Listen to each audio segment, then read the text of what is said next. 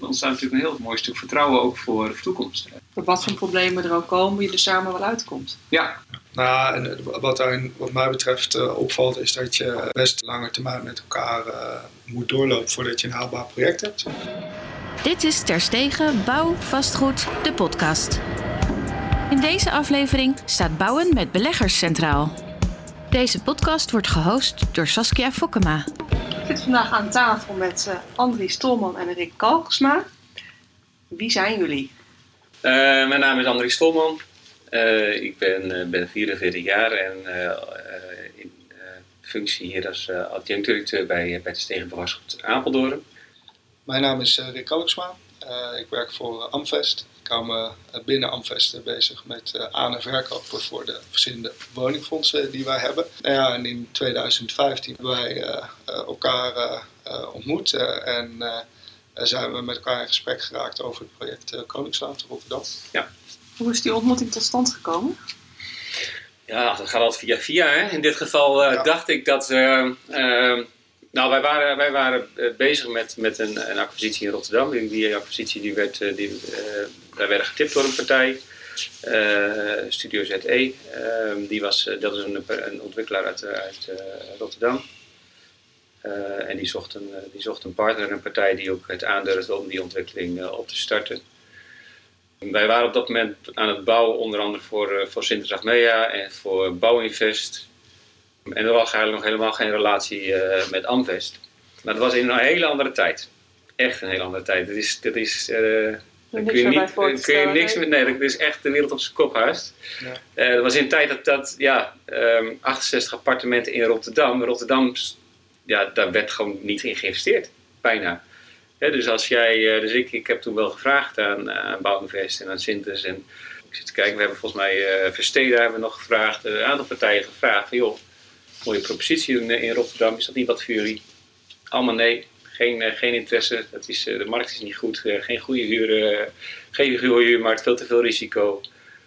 En op een gegeven moment kwam ik in gesprek met Edwin Lammertink van Mandel. En die, heeft, uh, die zegt, ja, ik weet, uh, ik weet nog wel een, uh, iemand die er volgens mij wel interesse in heeft. dus die heeft ons mij in contact gebracht met Rick. En Rick zegt, ja, maar die, dat ken ik wel. Dat is hartstikke goed. Dat zie ik wel zitten. Ja, ja dat ja. was ook echt het verschil met, met moet ik zeggen, met, ja, met, met nou ja, in dit geval misschien ook toeval hoor, maar Rick die, die, die kende gewoon Rotterdam. En, en die wist gewoon waar ik het over had. die, die zei, ja, maar dat is gewoon een goede plek.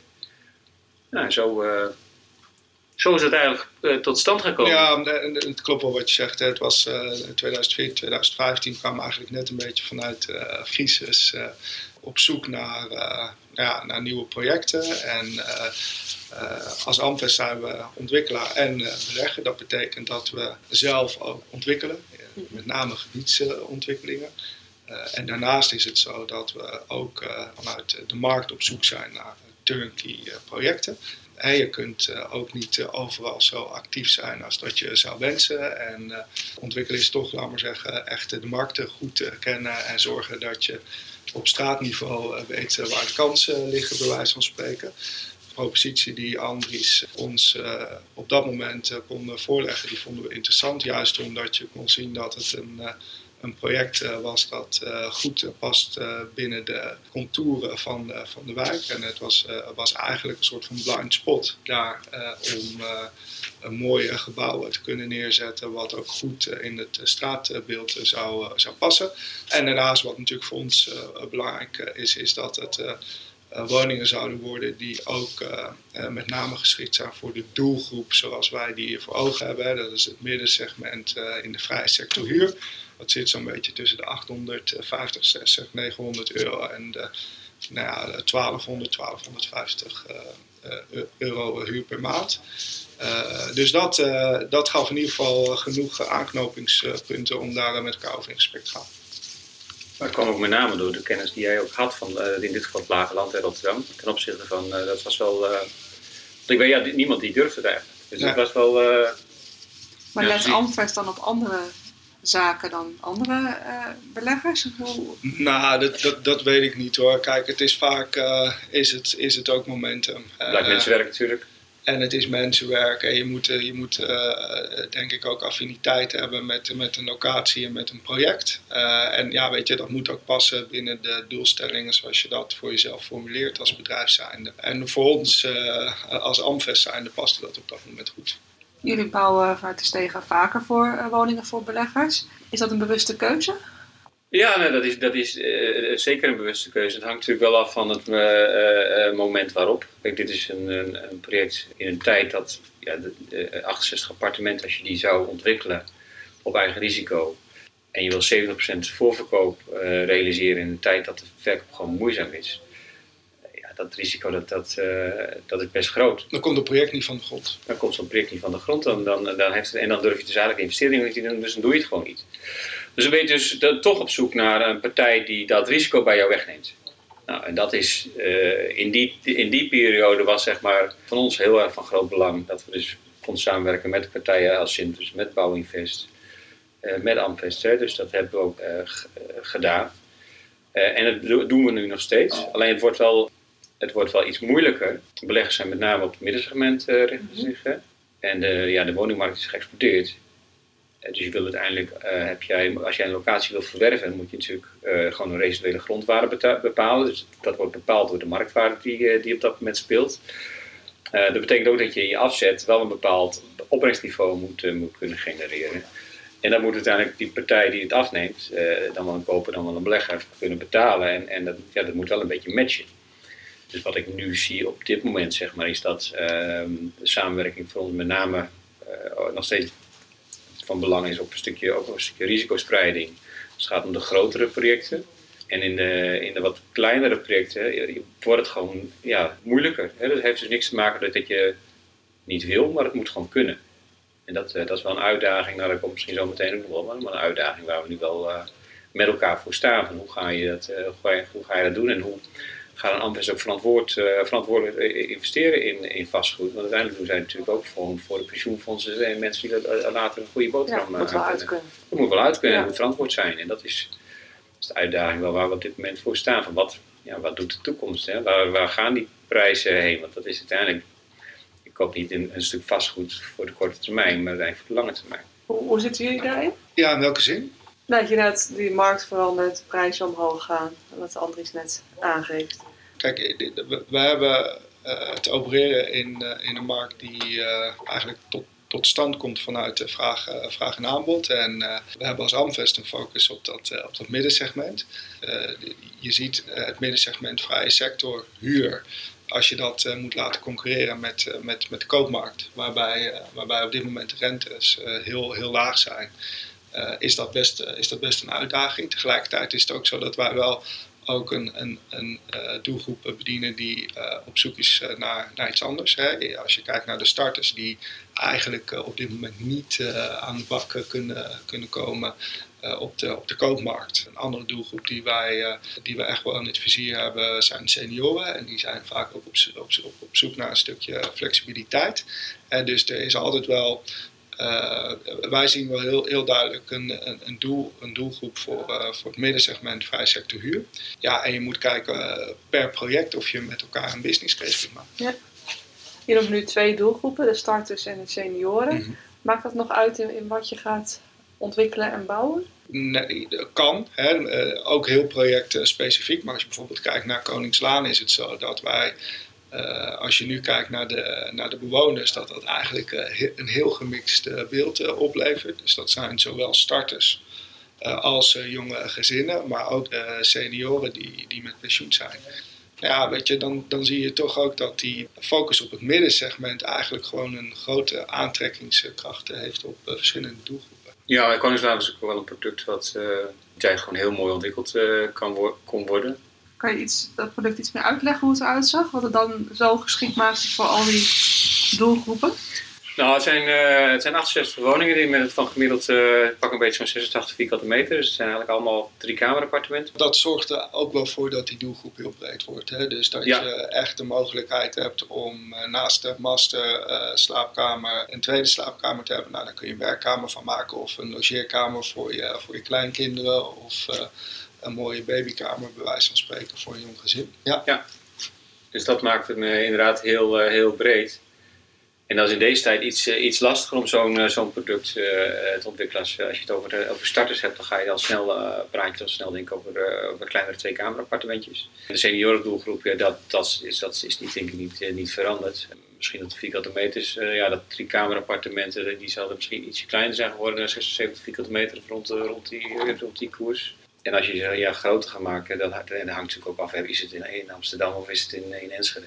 Ja, je hebt de afgelopen jaar wel een tendens gezien dat, uh, de, kijk, er zit een soort van bovengrens aan een absolute huurprijs per maand. Ja, en omdat de bouwkosten heel erg zijn opgelopen, zie je dat de appartementen in de vrije sector doorgaans kleiner zijn geworden. Maar ja, daar zit op een gegeven moment zit, daar, zit er wel een break-even point waarin je zegt van, nou ja, uh, het is niet verstandiger om die appartementen nog kleiner te maken om, uh, om die doelgroepen te kunnen uh, blijven bedienen zoals je dat voor ogen hebt. Want dan is het geen aantrekkelijk product meer. Dan is het geen aantrekkelijk product meer. En dan, ook niet voor de lange termijn. Ja, want uiteindelijk moet je natuurlijk voor de lange termijn ook kijken wat er gebeurt. Dat je kunt heel erg op korte termijn zeggen, nou dit is aan nu.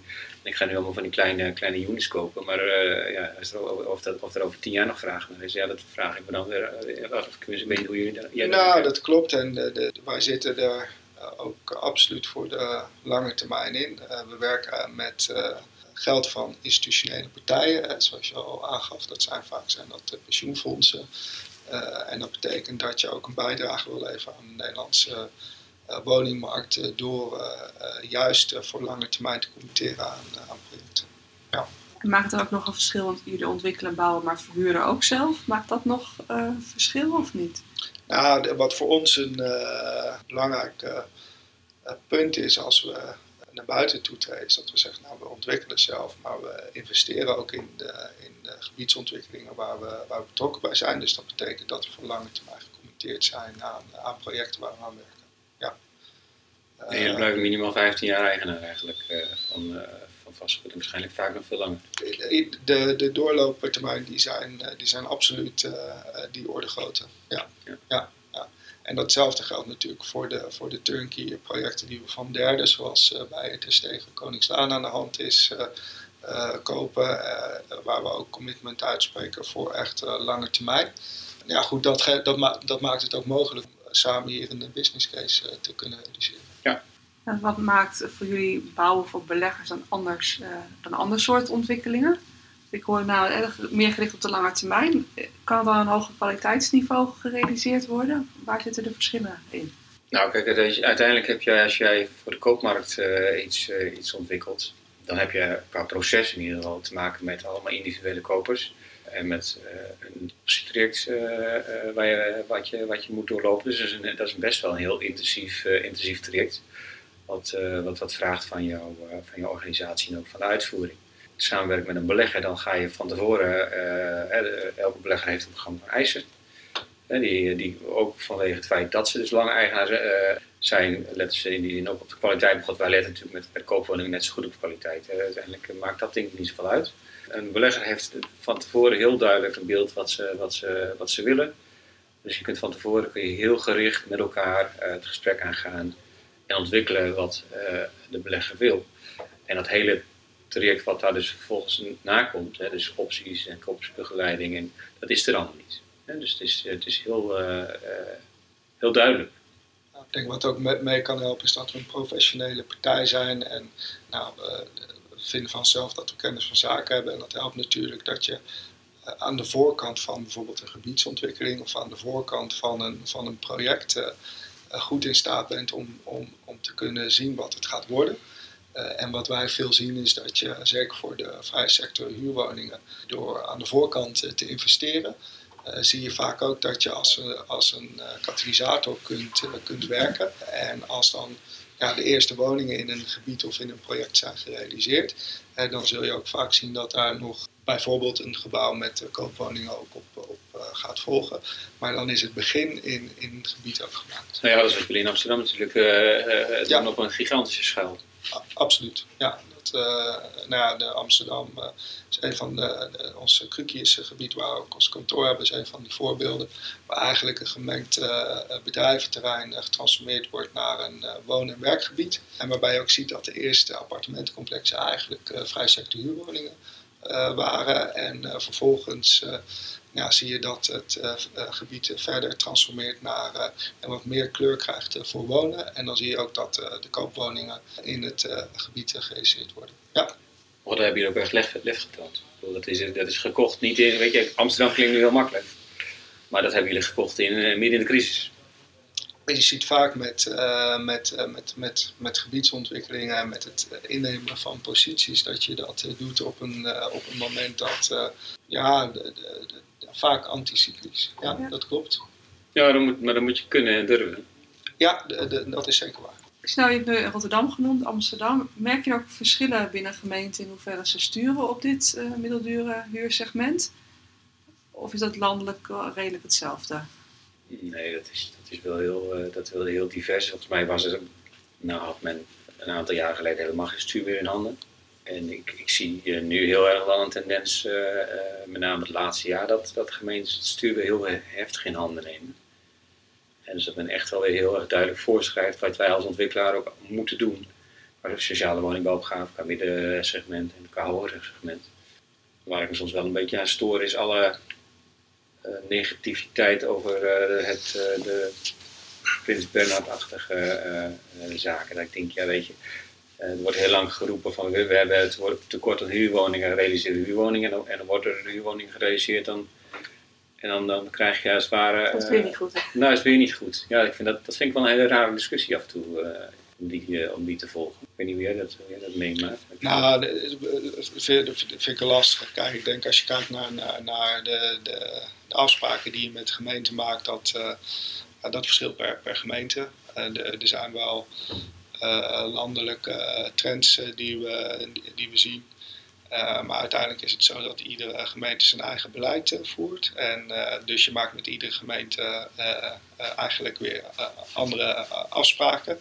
En dat doe ook nog wel eens per, per project verschillen. Wat kunnen bedrijven als Amvest en Terstegen in de komende jaren voor elkaar betekenen om dat woningtekort verder op te lossen? Ja, wat, wat, wat ik in ieder geval mooi vind aan uh, Terstegen is dat ze bouwen. Kijk, uh, bij Amvest uh, ontwikkelen we en, en we investeren als, als belegger zijn, maar we hebben geen, geen bouwtak.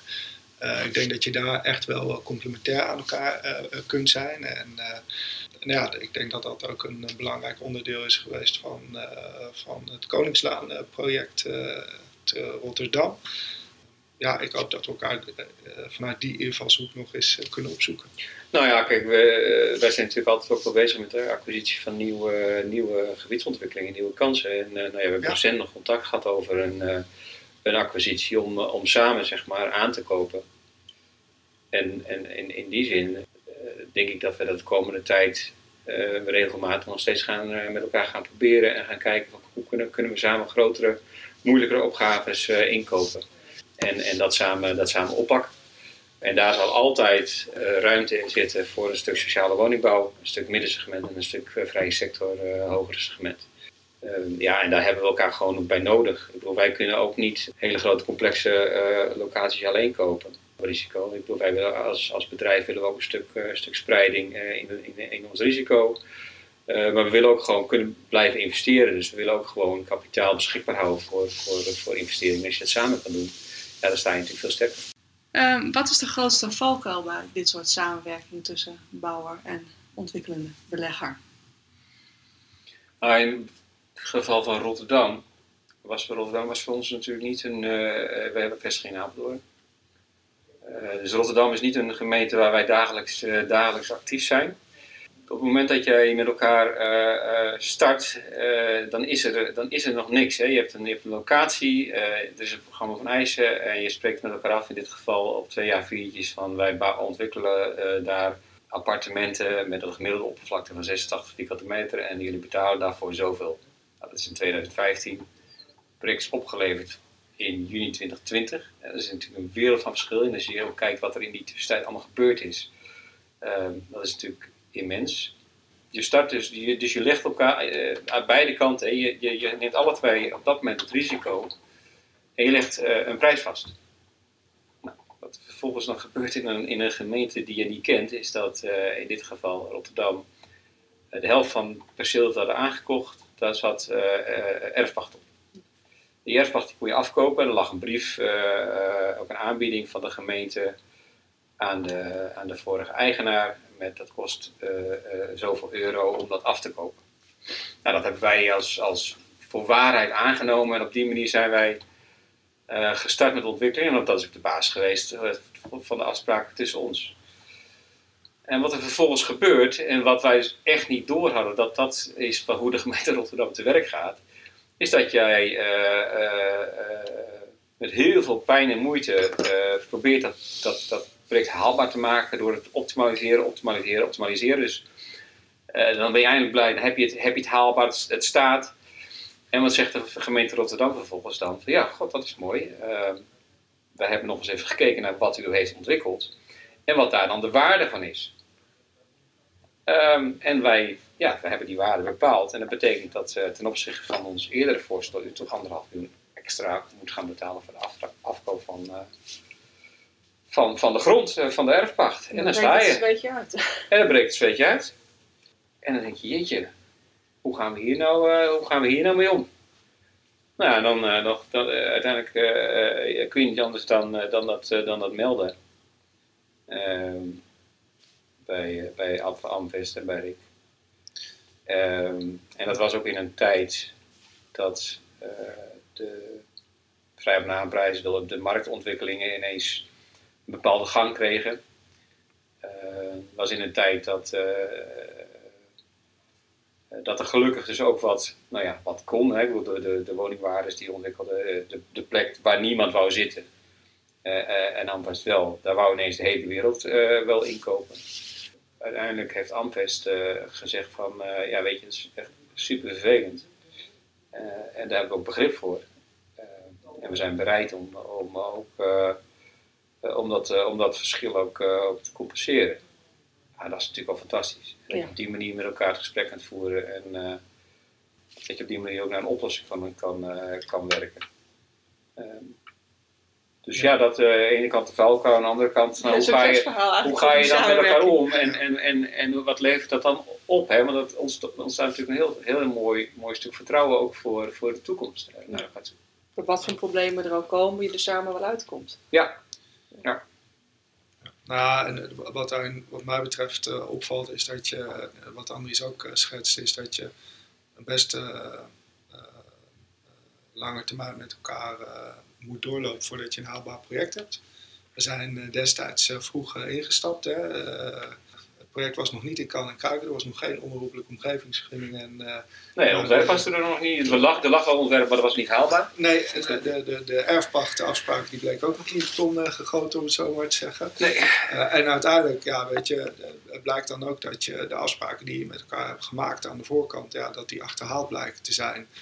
Uh, ja, dan kun je twee dingen doen. Dan kun je zeggen van ja, bedankt voor, voor je tijd en uh, we gaan alle twee onze eigen weg. Of je gaat kijken hoe je er toch op een, uh, op een goede manier met elkaar kunt uit, uitkomen. Zodat je wel beide ook, laat maar zeggen, het doel wat je voor ogen hebt, kunt blijven realiseren. En ja, dat is denk ik het mooie aan zo'n zo'n samenwerking. Als je daar samen uitkomt en het resulteert in, in een project uh, waarvan wij zeggen als Amvest, nou dat past goed uh, bij ons omdat het de focus heeft op, uh, op het middensegment in vrij sector huur, dan is dat een mooi resultaat. Ja, en ik denk qua, qua valkuil, hè, als je het dan hebt over. ik denk dat, jullie dat, dat, dat. Je hebt natuurlijk in, in ons, ons vakgebied heel veel gelukszoekers. En daar houden wij als de in ieder geval absoluut niet bij. En hebben, voor ons is het altijd belangrijk dat wij uh, niet alleen kijken naar één project, maar gewoon echt wel kijken naar de lange termijn en naar, de relatie.